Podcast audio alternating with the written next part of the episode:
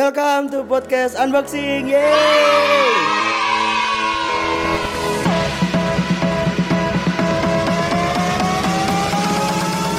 Unboxing sendiri adalah sebuah seri yang akan mengajarkan kita tentang hal-hal yang berhubungan dalam kehidupan kita. Hari ini Sabtu 6 Juni 2020 kita membahas kesehatan mental bersama Dr. T. Selamat mendengarkan dan Tuhan Yesus memberkati.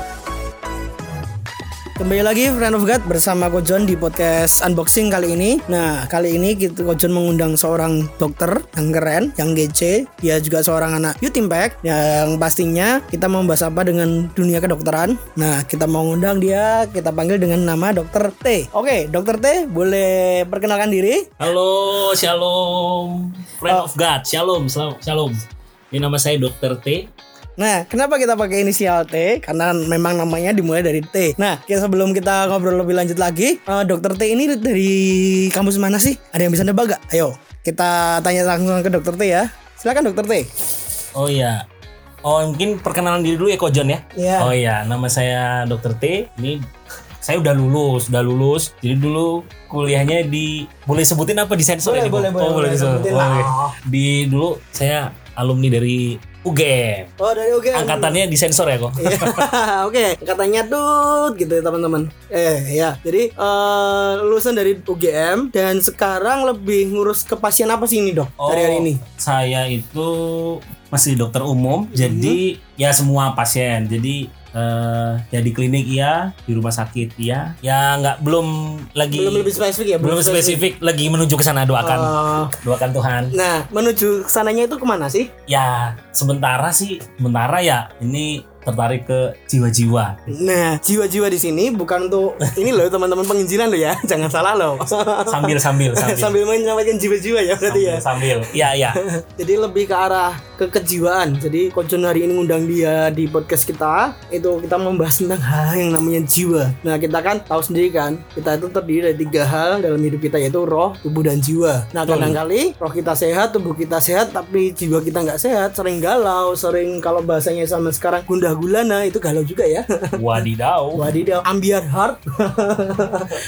nah, kita hari hari ini akan membahas soal kesehatan jiwa kita, teman-teman. Karena kemarin Coach John dengar dokter T ini juga pernah nangani teman-teman yang apa tadi namanya disab disabilitas apa mental ya? Mungkin kalau sekarang istilahnya lebih enak ya. Hmm. di disebutkan disabilitas mental. Nah, kemarin mengurus di mana sih? Dulu waktu saya praktek Hah? eh, di kan saya habis lulus dulu ada kayak magang setahun itu. Ya, Jadi kebetulan memang dipercayakan dari dulu pernah saya di puskesmas. Nah, itu untuk mengurusi pasien-pasien yang mengalami gangguan mental atau disabilitas mental tadi itu Hmm. di daerah eh, Kalasan. oh di daerah Kalasan ya, teman-teman.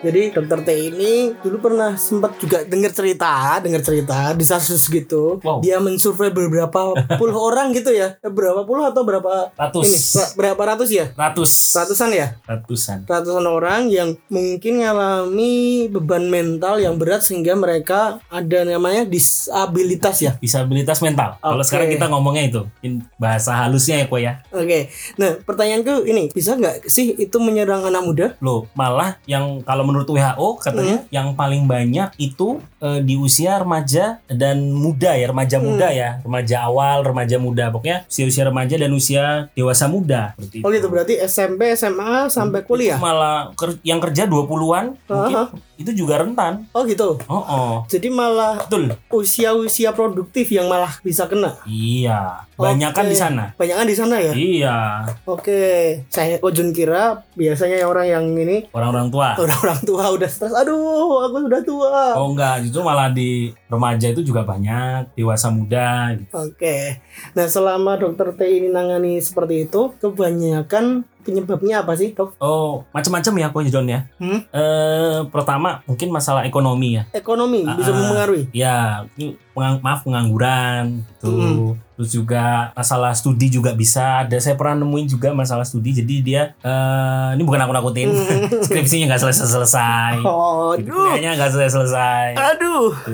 Mungkin juga ju- ada juga yang masalah ini yuhu yuhu Ah, masalah percintaan Oh, gitu. ada juga yang kayak gitu Ta- Tapi Dan juga pernah loh, ya? ini maaf juga pernah juga yang misalnya hubungan dengan orang orang sekitar misalnya dia ada konflik dengan orang tua, dengan kakaknya, dengan adiknya, itu keluarga keluarga or- kon- eh, dari keluarga juga ada Berarti kompleks banget ya penyebabnya itu juga kan. Berarti. macam-macam kok Macam-macam ya? macam-macam macam-macam Oke, soalnya pernah juga Kojon ketika pelayanan di sebuah sekolah SMA sebut aja Tut gitu. Mm-mm. Nah, di sana ada seorang anak nakal dan udah selesai kuliah sih. Eh, udah selesai kuliah. SMA lo tadi SMA, udah selesai lulus sekolah. oh lulus sekolah Cuma ketika setelah berapa tahun kemudian Ya. ketemulah Kojon sama dia. Dia sempat cerita, dia sempat masuk Gracia. wow kenapa tuh Nah, Kojon kaget kan. Hah, ngapain kamu masuk Gracia? Ya aku, waktu aku lulus SMA, aku agak stres. Stresnya kenapa? Tak tanyain kan. Sedikit kepo, ternyata pacarnya dia ditikung oleh sahabatnya sendiri. waduh Nah, itu sempat dia masuk Gracia selama tiga bulan, hampir setengah tahun. Setengah tahun, iya. setengah tahun Nah, apa sih yang menyebabkan orang bisa eh, apa namanya ya seperti itu? Apa karena memang apa ya bahasanya ya? Kalau kalau di dunia kedokteran seperti itu disebut apa ya? Gejala seperti apa? Oh, misalnya eh, berarti kan bicara tentang tahap-tahap orang menjadi seperti itu Hmm. ya. Ji. Pertama orang itu pasti stres. Setiap orang itu ada stres, ya kan? Pertama dulu stres. Stres. Ya, kita kalau misalnya kita sedikit menyenggol ke rohani sedikit, Hmm. ya tokoh-tokoh di Alkitab juga pasti ada stresnya. Ya, Iya. Elia contohnya. Elia, Ah. eh, Gideon, Gideon mau, juga pernah stres mau ya. berperang takut, ya kan? Hmm. Stres dia kan. Hmm. Atau mungkin Tuhan Yesus sendiri stres juga kan ketika mau disalibkan keringatnya telah berubah menjadi darah. Bukan keringatnya bro jadi udah. Tet- eh, Oh, tetesan maaf, keringatnya. Iya. tetesan mata. Ya. Ini saya ngecek ini, ngecek ke apa namanya kesa, eh, kesiap siada eh, kesiap kesiapannya Kojon ini. Oh, ternyata masih fokus. Ya. Masih benar, masih benar. Nah, nah, saya seperti itu. Jadi pertama orang itu pasti stres. Nah, ketika kita stres itu ada yang dinamakan dengan coping atau mekanisme Coping. coping. Bukan motor, coping. bukan motor ya. Bu- oh, Motor coping bukan ya. itu kopling. Oh, kopling. Bukan koping yang diminum. Oh, kopi itu. Oh, kopi. Ya, ya. Coping itu artinya bagaimana cara kita untuk melawan itu Coping itu bagaimana cara kita melawan stres stresnya itu. tadi. Oh. Nah, Nah, terus Gideon stres berdoa Iya. ya kan Nah, ya misalnya Tuhan Yesus waktu itu sudah stres mau disalibkan Hmm, kita berdoa iya. berserah nah, gitu misalnya macam-macam ketika kita stres misalnya belum lulus lulus Hmm, kok nilainya belum lulus ini ujian gitu kan belajar dengan teman hmm. ganti metode belajar seperti itu nah orang-orang tadi yang mengalami disabilitas tadi itu tidak bisa melawan stresnya tadi Walaupun dia udah coping tadi yang bahasan dia tadi. Mm-mm, copingnya salah atau memang Mm. dia tidak bisa melawan apa namanya eh stresornya tadi, stresnya tadi seperti itu. Mm. Jadi dia kalah, dia kalah. Berarti Gitu. kebanyakan juga berpengaruh sama hubungan kita sama Tuhan ya. Tadi kan eh, dokter T cerita tentang doa, terus gimana caranya kita membangun iman kita, Mm-mm. percaya sama Hmm. Betul. Tuhan, seperti Iya, itu. Iya, Jadi ada juga masalah kerohanian di situ berarti. ya karena eh ini saya pernah juga eh, ngobrol dengan dosen saya. Hah? Jadi manusia itu jangan lupa ada sisi spiritualnya. Oh iya, Manusia itu ada sisi spiritualnya. oke. Jadi jangan dilupakan sisi spiritual tadi. Jadi kunci utama ini malah di spiritualnya atau di mana? ya? Eh, kunci utamanya ya tetap eh, apa namanya spiritual itu me- me- memegang peranan juga tapi Ah, ada yang lain juga gitu loh. Oh. Ada ti- eh, ada yang hal-hal yang lain juga yang yang patut kita misalnya bisa kita selesaikan gitu. artinya kayak komposisi orang bikin roti ya, nggak cuma sekedar tepung, tapi butuh Mm-mm, kompor, mm-mm. butuh panci, butuh oven, Iya. seperti itu ya berarti ya. Ada jasmaninya, Ada jasmaninya juga. Ah. ada oh. psikisnya, ada spiritualnya. Oke, berarti ternyata ketika kita menghadapi stres dan kita tidak bisa, tadi bahasanya coping, kita tidak bisa coping menghadapinya, maka kita akan jatuh ke arah sana ya, dis apa? Disabilitas mental. Mental. Oke. Jadi buat teman-teman friend of God di sini, kalau teman-teman mulai stres nih, saran dari dokter T apa nih? Sarannya ya kalau memang eh, mungkin kalau aku kalau aku sih pengalaman ya, Hmm. pengalaman saya eh, saya dulu tuh orangnya juga dulu tertutup ya, merasa ya beban terutama dulu studi ya. Hmm. Itu saya bisa menyelesaikan sendiri tapi ternyata enggak. Nah, kalau aku eh, cerita dengan orang-orang terdekat kayak keluarga gitu, orang tua, adik saya gitu. KKS waktu itu ya, Oh ya, jangan Oh sama lupakan. dokter D. iya. Sekarang dokter D sedang di Semarang, teman-teman. Oh iya.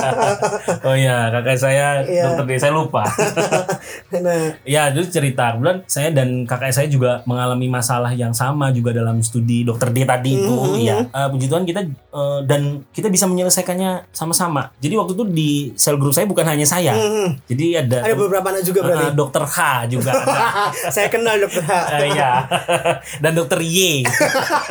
Saya lebih kenal itu lagi. itu. banyak inisial ya Van Logan Iya, inisial.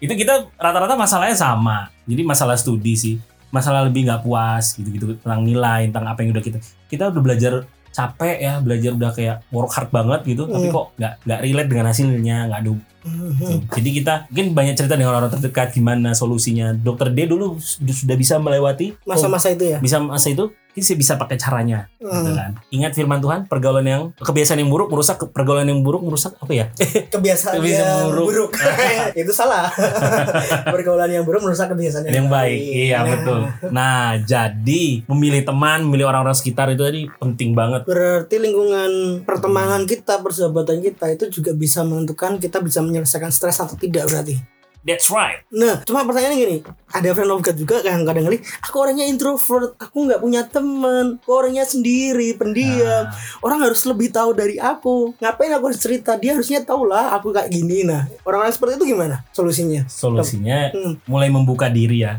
Mulai membuka diri. ketika kita introvert nah Ah. tapi ternyata dia introvert tadi friend of God introvert bisa nggak menyelesaikan masalahnya nggak bisa ya Belum tentu. belum tentu Ah. berarti kan Ada yang bisa, ada yang enggak sih. enggak. nah kalau nggak bisa ya kita harus rubah cara dong Nah, kadang kan juga kita harus mulai terbuka gitu loh kok maksudnya Ya oke, In- kuncinya terbuka ya. Ya. Kadang pun sebenarnya bukan masalah intro atau ekstro sih. Kadang orang ekstrovert pun juga nggak mau terbuka karena dia dilihat, wah nanti awal awal cerita kelemahanku aku dinilai ditolak temanku. Padahal- Karena orang ekstrovert kan butuh penerimaan yang tinggi kan dari Hmm. teman-temannya. Iya nggak? Kalau dia cerita tentang masalahnya dia, wah nanti teman-teman mah jauhin aku. Nah berarti ekstro dan intro itu eh, tidak mempengaruhi ya. Apa orang bisa ngedepi stres atau nggak berarti kan? nggak mempeng- eh, tidak berpengaruh gitu loh kadang-kadang Ya, paling- orang orang yang meledak-ledak juga yang Hmm. itu juga Itu bisa stres juga. bisa kan? stres juga bisa berat juga Berarti kuncinya di keterbukaan tadi. kuncinya kalau saya sih Hmm. pengalaman dari saya ya Mhm. ya memang mulai terbuka, mulai eh, cerita ke orang gitu, misalnya orang tua gitu. Siapa tahu dapat so- solusi gitu. Kalau mah dimarahin kamu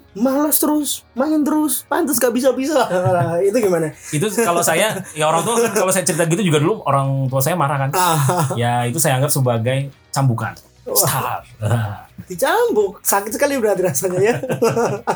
Kalau gitu berarti mindset kita juga mem- menentukan selain kita terbuka, tapi kita juga harus punya mindset bahwa apa yang kita terima itu masukan itu baik untuk setiap kita. ya, jadi eh, misalnya juga tadi kan saya ini saya bukan orang yang suka maaf bukan orang yang suka milih-milih teman. Mhm. Jadi kebetulan memang kom- di eh, kelompok sel saya itu memang kebetulan Hmm. kita mayoritas seprofesi. Seprofesi tapi berbagai suku ya. Iya berbagai suku. Ya, Ah, saya jadi mengenal. ah, ah, jadi ada yang dari Bali. lo oh, kok disebut. kok disebut ya? Ah, lanjut, lanjut, lanjut. Jadi kalau misalnya kita dengan mungkin dengan teman-teman yang seprofesi itu mungkin bisa nyambung kali, Hmm. bisa sesuai dengan eh, nyambung dengan per- permasalahan dan pola pikir kita gitu. Kalau kalau saya sih gitu loh. Soalnya istilahnya mata pelajaran yang diambil juga sama ya di Iya. kedokteran juga kan. waktu itu. Iya. Bayangkan gitu. kalau dokter T waktu itu konsultasi sama anak arsitek. Ah, ah, atau Mungkin nggak anak, nyambung ya? ah, iya atau misalnya pebisnis. Ah. Beda hal kalau misalnya saya sebagai pebisnis Mhm. Bi- eh, misalnya saya dokter tapi saya ada masalah di bisnis. Nah itu memang kalau lebih relate kalau kita bicara eh, atau minta solusi dengan teman-teman yang dari Sesuai pebi- prodinya. ah, pebis- pebisnis Oke. gitu. Berarti buat friend of God kita itu nggak cuma perlu teman gereja tapi juga perlu teman di kampus ya berarti ya. Mm-mm, mm-mm. Hmm, seperti itu. Oke, tadi balik lagi ke rada awal dikit lagi Oke siap siap. mengenai spiritual. Oke siap. Kadang yang Gojon sering tangani juga, kadang tuh kayak contoh tadi malam ada anak itu ngubungin Gojon, Gojon, eh, ini ada anak, dia bisa dengar suara Tuhan. Wah, dan yang luar biasanya yang kenapa waktu itu rada maksudnya Gojon masuk ke disabilitas mental tadi, dia mengaku bahwa dirinya Yesus dan Muhammad. Dan di situ jujur, saya kaget. dia Yesus dan Muhammad gimana caranya jadi satu? I- Iku berdua itu. maksud lu di sini kalau spiritual kita seperti itu gimana? Misal dia percaya nih, aku dengar suara nih bahwa aku itu Muhammad dan Yesus, aku gabungan dua nabi ini. Wah, itu gimana? Wah itu kayaknya Masuk schizofren atau apa itu? lo kok tau skizofren? Kok tau skizofren? Tahu dong. Eh, eh, kalau hanya dengar suara-suara gitu ya belum belum belum belum tegak ya belum Hmm. kita bisa katakan skizofren ya bisa dilihat gejala-gejala yang lain misalnya dia apakah ada misalnya mulai mengurung diri mulai bicaranya meracau Ah. atau yang lain dengar suara yang lain nggak hanya tadi itu yang lain dia Nah. ternyata apa nabi juga bisa jadi Elia bisa jadi Ah. siapa bisa jadi siapa gitu kan itu kita lihat gejala-gejalanya yang lain belum tentu kita bisa tegakkan dengan skizofren tadi yang seperti Kojon katakan itu bentuk coping atau bentuk apa? Berarti mungkin dia stres kopi bukan terus bukan Aduh, coping aku- sih itu aku kayaknya harus udah ke deket dekat dekat sama Tuhan terus Tuhan ngomong oh kamu adalah Jadi oh nabi ini enggak itu udah itu udah udah pelen- melenceng itu Udah tanda- melenceng, dalam udah. tanda kutip itu. Ya. berarti bukan coping ya Bukan. tadi kan copingnya kita harus ikut sama Tuhan Heeh, atau apa. kopinya eh, bisa spiritual kita harus kita Ah, tingkatkan cuma heeh. jujur loh ini baru tadi malam teman-teman jadi Ujung di chat di situ dan beberapa rumah sakit itu nolak dia saking karena karena dua tokoh tadi Iya. bisa Hmm. dalam semua. Iya, masuk dalam dirinya dia. Terakhir sih, ya, kojon infonya sih dari ini sih. Dia udah di, di sampai di Gracia di Kaligur. Jalan orang sana itu Oh iya. dimasukin di sana Hmm. untuk biar lebih tenang. Oke. Ya itu maksudnya sudah ada gangguan. Dia gaduh gelisah. Ya Hmm. mungkin ya. Banyak gerak-gerak gitu ya. Dan yang waktu kojon nanyain juga yang rada bikin kojon kaget yaitu dia mengaku bahwa dia bisa dengar suara Tuhan. Terus dia mengaku bahwa dia nabi yang istilahnya tadi gabungan dua nabi itu. Padahal waktu kojon baca dan lihat denger, aduh, tidak mungkin sekali ini. Kalau orang normal dengar pun, ini pasti bisa dipukulin ini.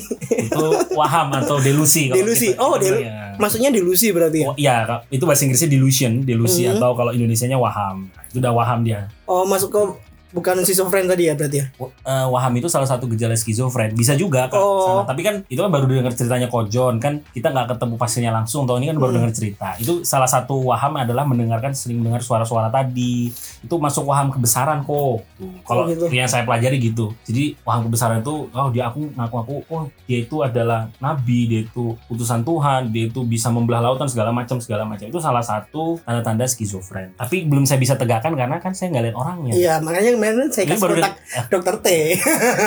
Cuma orangnya nggak ngehubungi kelihatannya. Karena dia udah ya udahlah, taruh di gra- Gracia dulu. Oh. saya juga sudah tidur Sudah tidur ya tadi malam ya berarti. iya Nah, ada juga nih uh, friend of God. Kan Kojon ini juga pelayanan di Encounter kan. Wow. Seringkali juga konseling orang juga. orang Dan- lama juga udah 10 tahun ya Kojon ya. Iya. Sudah lama sekali. Nah, ada juga nih pernah Kojon nangani. uh, ini seorang wanita, dia dengar suara, Wow. dia disuruh misal tiba-tiba di jalan raya nih Mm-mm. kamu mati aja eh, ke tengah jalan jadi tabrak dan dia lakuin itu nah Hmm. itu masuk gejala orang stres bagian apa? Bisa juga tadi itu eh, halusinasi tadi, Oh, bisa juga tadi. masih bisa Ma- masuk di mas- situ masih bisa juga Bu. Kalau kita dengar suara gitu, itu berhubungan gak sih? Make sense gak? Atau sesuai logika gak? Nah, Nah, gitu loh. kadang tuh orang ngalami seperti itu dia sadar nggak sih sebenarnya dia Dia sadar dan menganggap itu sebagai sebuah kebenaran. itu yang bahaya berarti ya Bahaya kayak gitu. Hmm. Nah, itu kalau kita mengerti apa itu misalnya dengar suara itu, kita seharusnya dengan akal sehat kita tahu dong. pantas ya firman Tuhan aja ngomong ya setiap suara Tuhan harus diuji ya ujilah aku itu ya Cakep. berarti eh, kita nggak cuma sekedar tanda kutip loh ya kalau kita di kekristenan itu ngeroh tapi benar-benar harus diuji ya Betul. sesuai firman Tuhan apakah itu bisa jadi berkat tiba-tiba disuruh ke tengah jalan terus di- minta ditabrak apakah itu memuliakan nama Tuhan Oh, iya, begitu, betul. begitu ya Betul. dan ketika dia juga diomong kayak tadi misal kamu adalah dua nabi yang aku utus menjadi satu harusnya itu juga difilternya melalui firman Tuhan Iya berarti dong, betul. Tidak mungkin terang dan gelap itu satu bersantai. Asik. Jadi jujur teman-teman ketika Kojon uh, pelayanan bahkan lo ya Kojon jujur pernah ngalami tanda kutip sedikit stres. Stresnya sih lumayan waktu itu. Jadi di di konselor itu kan diajari berbagai ilmu kan. Wah. Ilmu konseling. Iya. Takut saya kok. Takut kan? ada gunung es, ada ini, ada banyak lah. Heeh. Ada satu titik ilmu di mana itu aku aku ingat sih diajarin itu dengan katanya kalau kamu praktekin ini untuk dirimu jangan sebisa mungkin ada orang yang ngarin kamu yang ngonseling kamu Heeh. jadi waktu itu Kojon coba konseling diri Kojon. Kojon lihat wajah Kojon lewat kaca, Kojon coba praktekan ilmu itu dan apa yang jadi teman-teman? Kojon masih ingat banget. Kojon waktu itu cuma pakai cara kolor, cara koloran. Tuh, aduh, Aduh, ngapain? Dari asrama PCC kalau teman-teman tahu sih yang sekarang jadi sebuah toko tut gitu. Nah, di situ Kojon jalan kaki itu malam itu ke- kejadiannya. Itu jalan kaki terus ke Burjo, makan pesen Indomie telur. Waktu itu masih ingat banget. Pesen sensor merek-merek, Oh, udah boleh nyebut merek ya. merek. Nanti kita dapat sponsor. Iya lanjut lanjut. lanjut habis dari Burjo itu jalan sampai ke depan Karita eh butuh pula lagi Merek itu. aduh di situ ada angkringan aku makan situ jalan lagi sampai ke rumah sakit dokter Yap depannya juga ada angkringan juga waktu itu Heeh. aku makan lagi dan sampai di depan panti rape itu ada mie Jakarta kalau sekarang masih teman-teman ada itu aku makan lagi dan akhirnya aku sampai ke Burjo itu tadi lagi pesen makan lagi ya terus tapi puji Tuhannya saya bisa kembali sampai ke asrama dengan sehat. Maksudnya pernah ngalami titik di mana jujur waktu itu kalau secara manusia itu kejiwaan harusnya loh. Habis ke Burjo makan, ke angkringan makan, dua kali angkringan, terus ke Mi Jakarta pesan makan dan akhirnya aku kembali. Ya itu efek gara-gara ketika kita salah menerapkan ilmu, kalau memang kadang-kadang ada juga ilmu yang kita harus didampingin nih tanda kutipnya. Mm, Iya kan? Jadi eh, Gojon juga pernah ngalami di titik di situ dan puji Tuhannya Gojon waktu itu bisa pulang ke asrama. Dan Gojon baru sadar, "Hah, tadi aku ngapain aja ya? kok perutku rasanya ini kok penuh semua." Tapi waktu ketika aku ngakuin itu, ya ya kayak orang normal makan, bayar tetap bayar. Ya, menurut dokter T, bisa nggak sih? Awalnya itu aku nggak stres. Bisa nggak sih kita misal eh, karena ajaran sesuatu salah mengaplikasikannya bisa seperti itu? oh itu ya ilmu ya tadi itu ya ah, sebenarnya kalau kita bicara tentang konteks ilmu tadi kojon tadi itu mhm. Eh, kalau yang saya dulu pernah diskusi dengan dosen saya ya Hmm. ini eh, ilmu i- misalnya kita ngilmu tadi di ilmu apa tak kebatinan tak Ya, apa di semua. luar ah, di luar kekristenan ya itu sebenarnya yang membuat kita jadi lenceng dalam tanda kutip tadi Hmm. seperti itu itu sebenarnya bukan karena ilmunya Bukan karena ilmunya, tapi, karena Ya, kenapa? enviro- environment atau lingkungan tadi yang mempengaruhi kita jadinya kita melenceng seperti itu Hmm, sempat juga waktu nek teman-teman pernah dengar berita ada orang yang mempelajari ilmu hitam di sebuah di, di Sulawesi atau mana ya sampai dia tega bunuh anaknya sendiri bahkan istrinya dukung perbuatan dari Hmm. Nah, suaminya itu. itu. itu udah melenceng juga ya berarti ya berarti tadi lingkungan yang istrinya mendukung Ah. nah, istrinya juga ini karena dia tahu kalau itu ilmunya benar katanya Nah, itu tadi. Berarti kalau menurut eh, kalau Hah? menurut saya sih karena itu tadi, karena lingkungannya tadi itu loh yang membuat yang membuat eh, pribadi seseorang itu jadi Hah? melencengnya tadi. berarti tidak cuma sekedar teman tapi lingkungan juga akan mempengaruhi kesehatan mental kita berarti ya Lingkungan yang sehat tadi. lingkungan yang sehat Ada ya pengaruhnya. oke nah pertanyaannya gini ke, ke dokter T kok jangan terlalu banyak ngomong nih Oh ya nggak apa-apa kan kojon hostnya. Nah, nek misal dokter T pernah nggak sih nangani isu yang seperti itu? Misal kayak kejiwaan tadi aku mendengar suara Tuhan. Terus pernah juga ini ini ini ini, ini terakhir aja. Iya. Nanti Iya. dokter Nggak apa-apa T panjang-panjang juga nggak komentar, apa-apa. nggak Nggak apa-apa panjang juga nggak apa-apa. Nanti saya terus yang ngomong. Kan kojon hostnya. Tujuan Anda diundang di sini untuk ngomong. Oh gitu. Bukan mendengar. Jadi pernah juga eh, ini sih, apa pengusiran roh setan. Wah, Wah, Oh, live ini ya. kerasukan. Oh, Nah, live ya ini. ya waktu itu live jadi Kojan bingung sih Oh, waktu itu dia dilayani oleh sebut aja gereja tut gitu yang waktu melayani pun juga rada unik sih di dihidupin lilin apa dan waktu itu ah apa sih ini? Oh, Kenapa harus pakai- ulang tahun. apa mau ulang tahun ya tapi waktu itu yang sedikit aneh gini ketika Kojon nyampe sana ada yang aneh teman-teman dia yang kenal Kojon Kenal. dan Kojon nggak kenal dia Wah mungkin kojon ini banyak gimana itu Ya. fans Oh. ceritanya? terselubung. fans terselubung ya Heeh. Nah, tiba-tiba dia waktu itu ketika dia kerasukan, ketika waktu itu di kampus dia, dia waktu itu masih inisiasi. Oh. Jadi dia kakak Ospek kakak- ya? Ospek. Ospek. Dia dia dia kakak pembina di sana, Oh, dia ini peserta ospek apa kakak pembina? kakak pembina. oh, kakak juga. pembina itu udah senior ya? Senior, seniornya malah. Oh. Jadi waktu udah sampai sana, dia langsung sadar, terus dia bilang, "Eh, semuanya keluar, biar Kojon aja yang di sini." Wuh. Waduh, saya kaget. Siapa ini? Dan saya cuma dikontak. Kojon ini ada yang kerasukan. eh, tolong dibantu pelayanan gini-gini ini udah dilayani dari tut dari gereja tut gitu. Tidak selesai-selesai saya sana. Dan saya kaget. Nah, akhirnya saya ngajak ngobrol. Ternyata ketika Kojon ngajak ngobrol dia memang baru ada masalah. gitu. waktu itu. Oh. Diajak ngobrol apa diajak pantun tadi? Diajak pantun. Oh, diajak, Masa air cakep. diajak ngobrol. Ya, Nah, ya, ya. seperti itu juga. Ya. Karena waktu itu jujur waktu Kojon datang ke sana dihidupin dupa, ada lilinnya dan aku bilang ini apa-apaan ini. Biar dia tenang kak waktu itu alasannya. saya tanya seperti itu, loh ngapain harus pakai ada dupa, ada lilin ini? Oh itu buat aromaterapi biar anaknya lebih tenang gini. gini. Oh, anu ya kayak apa repelen ya, biar nggak banyak nyamuk. Pakai rumah terapi. aku juga nggak tahu. Nah cuma titik di sini aku juga um, uh, kita yang mau tabas ke dokter T pernah nggak sih ada yang seperti itu misal katanya sih banyak lo ya Kojon layani katanya yang kerasukan roh jahat setelah Kojon datang banyak sih bukan kerasukan roh jahat sih lebih ke jiwanya sih Hmm. Oh iya. Jadi saya juga pernah ini juga share dengan dosen saya heeh. Oh, dengan dosen Ada baru dong. dosen.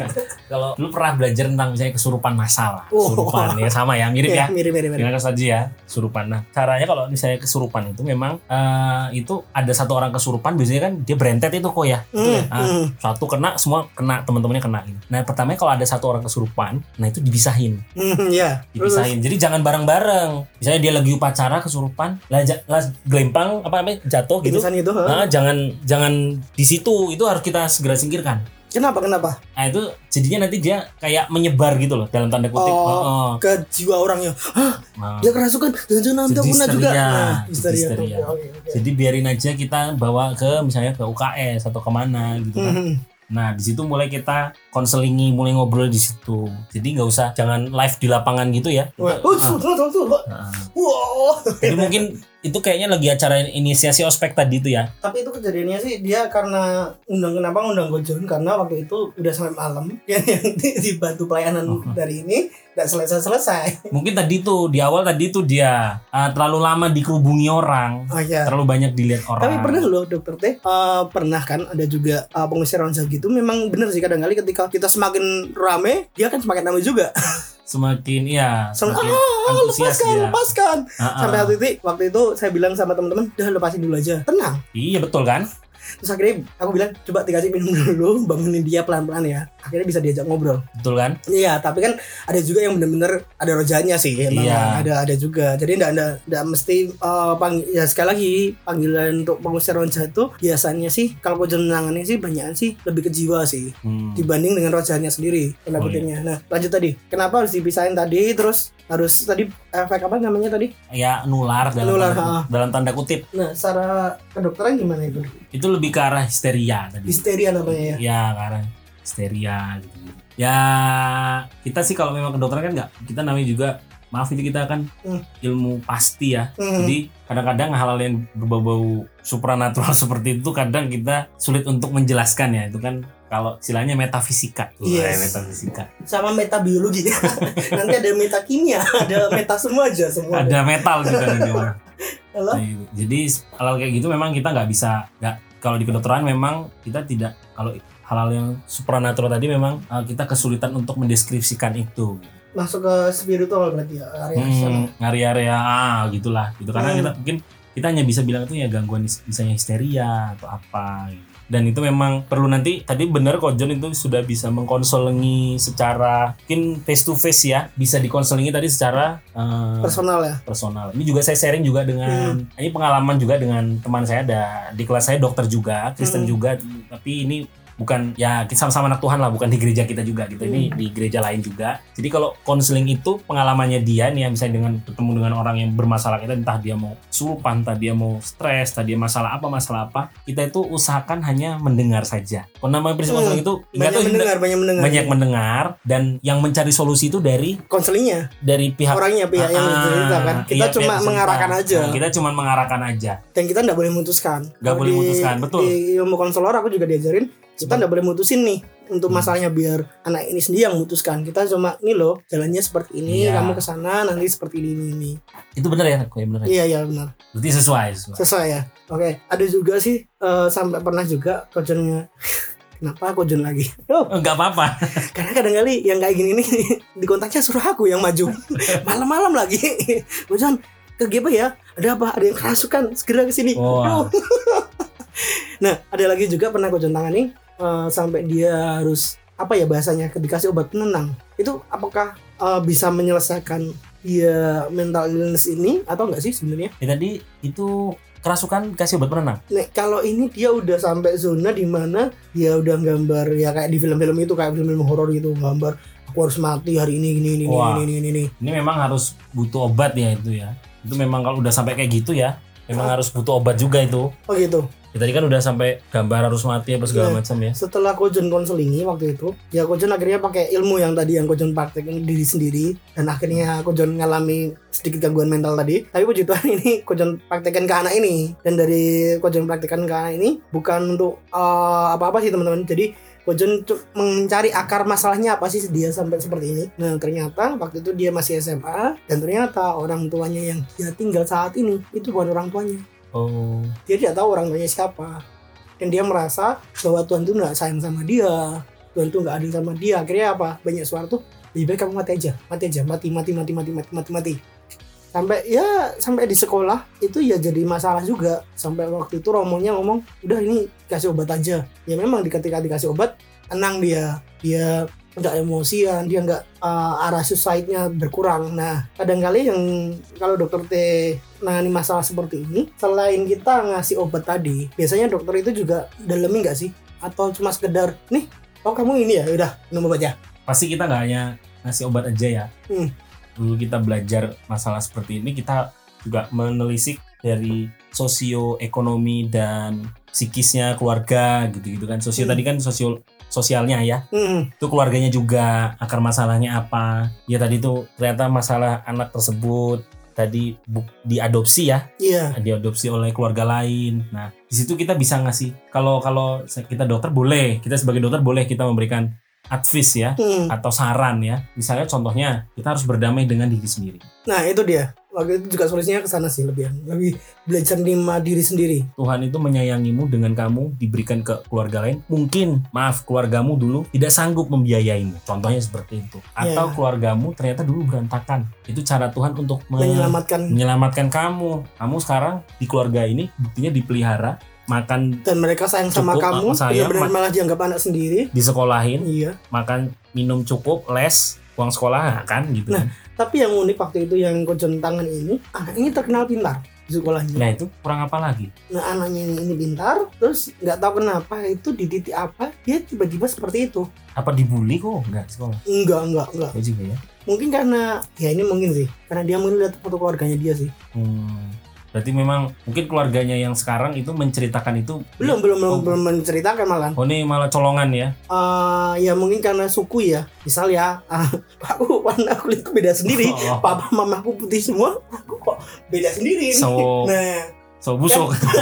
mungkin dia mulai berpikir anak siapakah aku ini pernah loh Hmm, aku juga pernah ngalami posisi di situ Eh, adikku tinggi dua adikku tinggi dan aku pendek Orang, aku anaknya siapa ini genetiknya siapa yang aku ikuti nah kadang-kadang kan juga bisa Berarti tes mempengaruhi DNA sinetron, Nah. sinetron ya. sinetron sekali nah pertanyaanku ke dokter T bisa nggak sih kita apa ya eh, menjaga kita supaya apa ya bel- bahasa aku itu bisa menerima masa lalu kadang orang korban-korban pelecehan seksual kadang kan mereka tidak bisa menerima terus lu dengan kondisi kayak gini juga mereka tidak bisa terima tadi kalau John cerita wah ternyata papa mamaku bukan papa mamaku Loh, gimana sih Sinetron itu. sinetron banget itu Eh, kalau saran aku menyarankan seperti tadi tuh, ya berdamai dengan diri sendiri untuk menyelesaikan akar masalah Tapi tadi. kalau anaknya ngomong susah sekali kok, nggak mudah.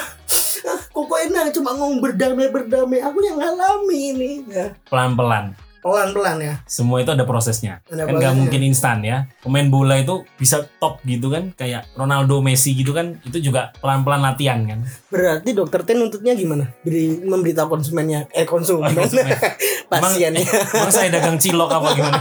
Sumen. dagang obat tadi. eh saya memberikan itu namanya konseling itu kan eh ya nggak bisa langsung sekali meeting jadi Mm-mm. ya kan itu kan berkali-kali ke psikolog juga seperti itu kan nggak bisa sekali juga ada orang sih yang sekali langsung oke gitu kan tapi ada orang yang butuh beberapa kali kan seperti itu. Tapi sempat masalah obat tadi, eh, ini sempat ditangani oleh dokter sebuah rumah sakit swasta di Jogja, saya tahu. Dan ketika lihat anaknya ini, si dokter ini enggak, yang menurutku sih ya, aku bingung juga kenapa sih dokter ini langsung ngasih obat, enggak ngonselingin lagi. Jadi biar orang lebih gampang, yaudah kasih obat. Tapi kan kalau terlalu banyak tergantung sama obat, apakah itu bisa menyelesaikan masalah? Enggak kan? Atau seperti apa? Eh, kalau obat sih gunanya untuk Menenangkan kan? lebih. mengontrol lah Mengontrol kan? Heeh, jadi mengendalikan marahnya dia, eh, moodnya mungkin seperti itu. Nah untuk masalah itu dari kita sendiri yang menyelesaikan. Oh, Gitu. tetap dari pribadi kita masing-masing yang Pribadi diri menyelesaikan. sendiri, teman, sama lingkungan berarti yang Mm, harus dukungan- mendukung. dukungan keluarga tadi Penting banget berarti ya. penting nah kalau tadi anak tadi keluarganya gimana kok keluarganya puji Tuhan di dalam Tuhan sih dukung sekali sih dia itu ah kecuali kalau cuma yang rada aku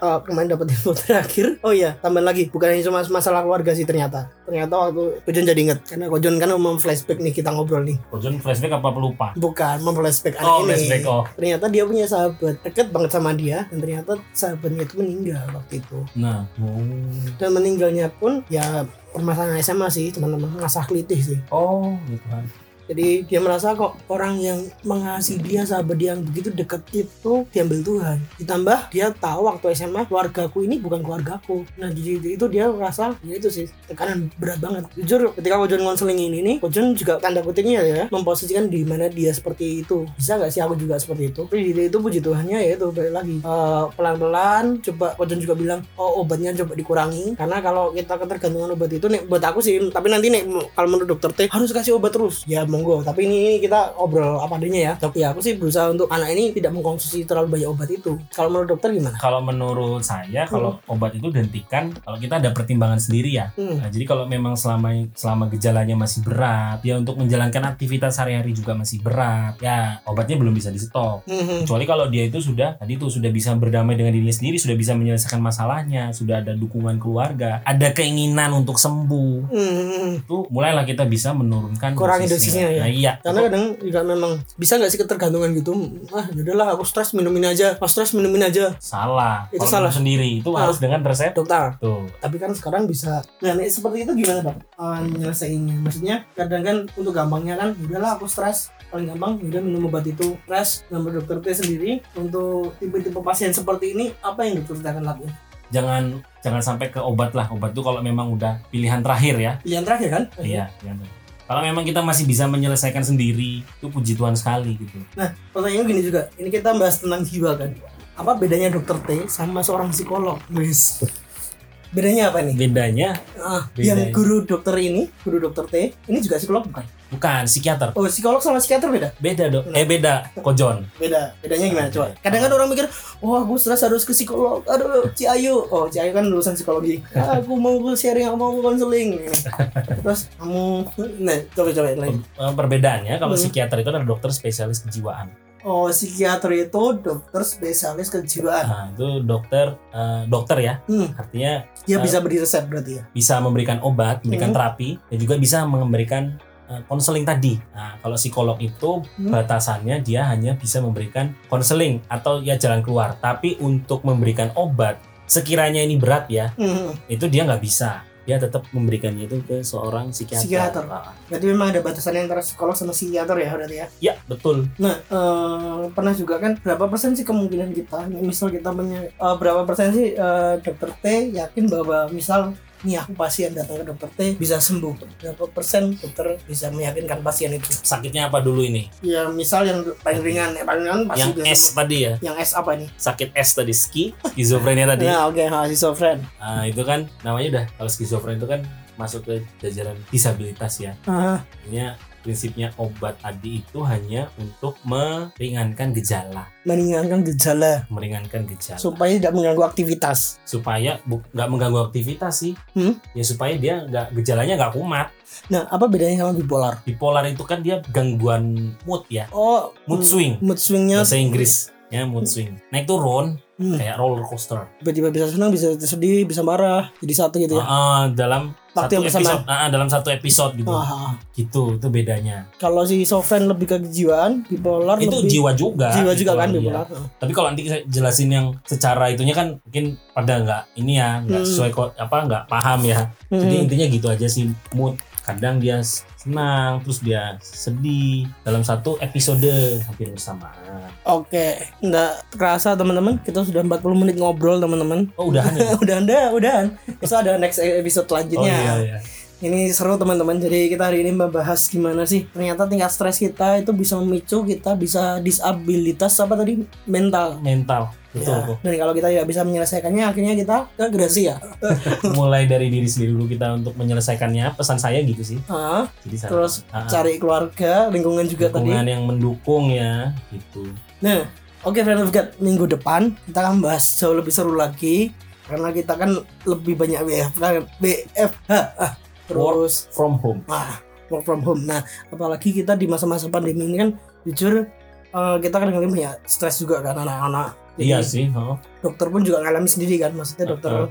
yang dari dokter covid 19 waktu itu Gojon juga ada anggota rohani dokter R cerita aduh Kayaknya saya kenal itu. kenal kan pasienku kenapa tidak mau diurus kenapa melarikan diri aduh bikin tambah kerjaan nah itu kan juga hari-hari ini eh, mental health mental health apa bahasanya Hell. hal kita minggu depan kita akan bahas lebih dalam lagi teman-teman gimana sih kita tetap bisa punya kesehatan mental di masa-masa pandemi seperti ini Wah, Oke. oke jadi sekian untuk podcast hari ini dan Oke. Tuhan Yesus memberkati Yeay.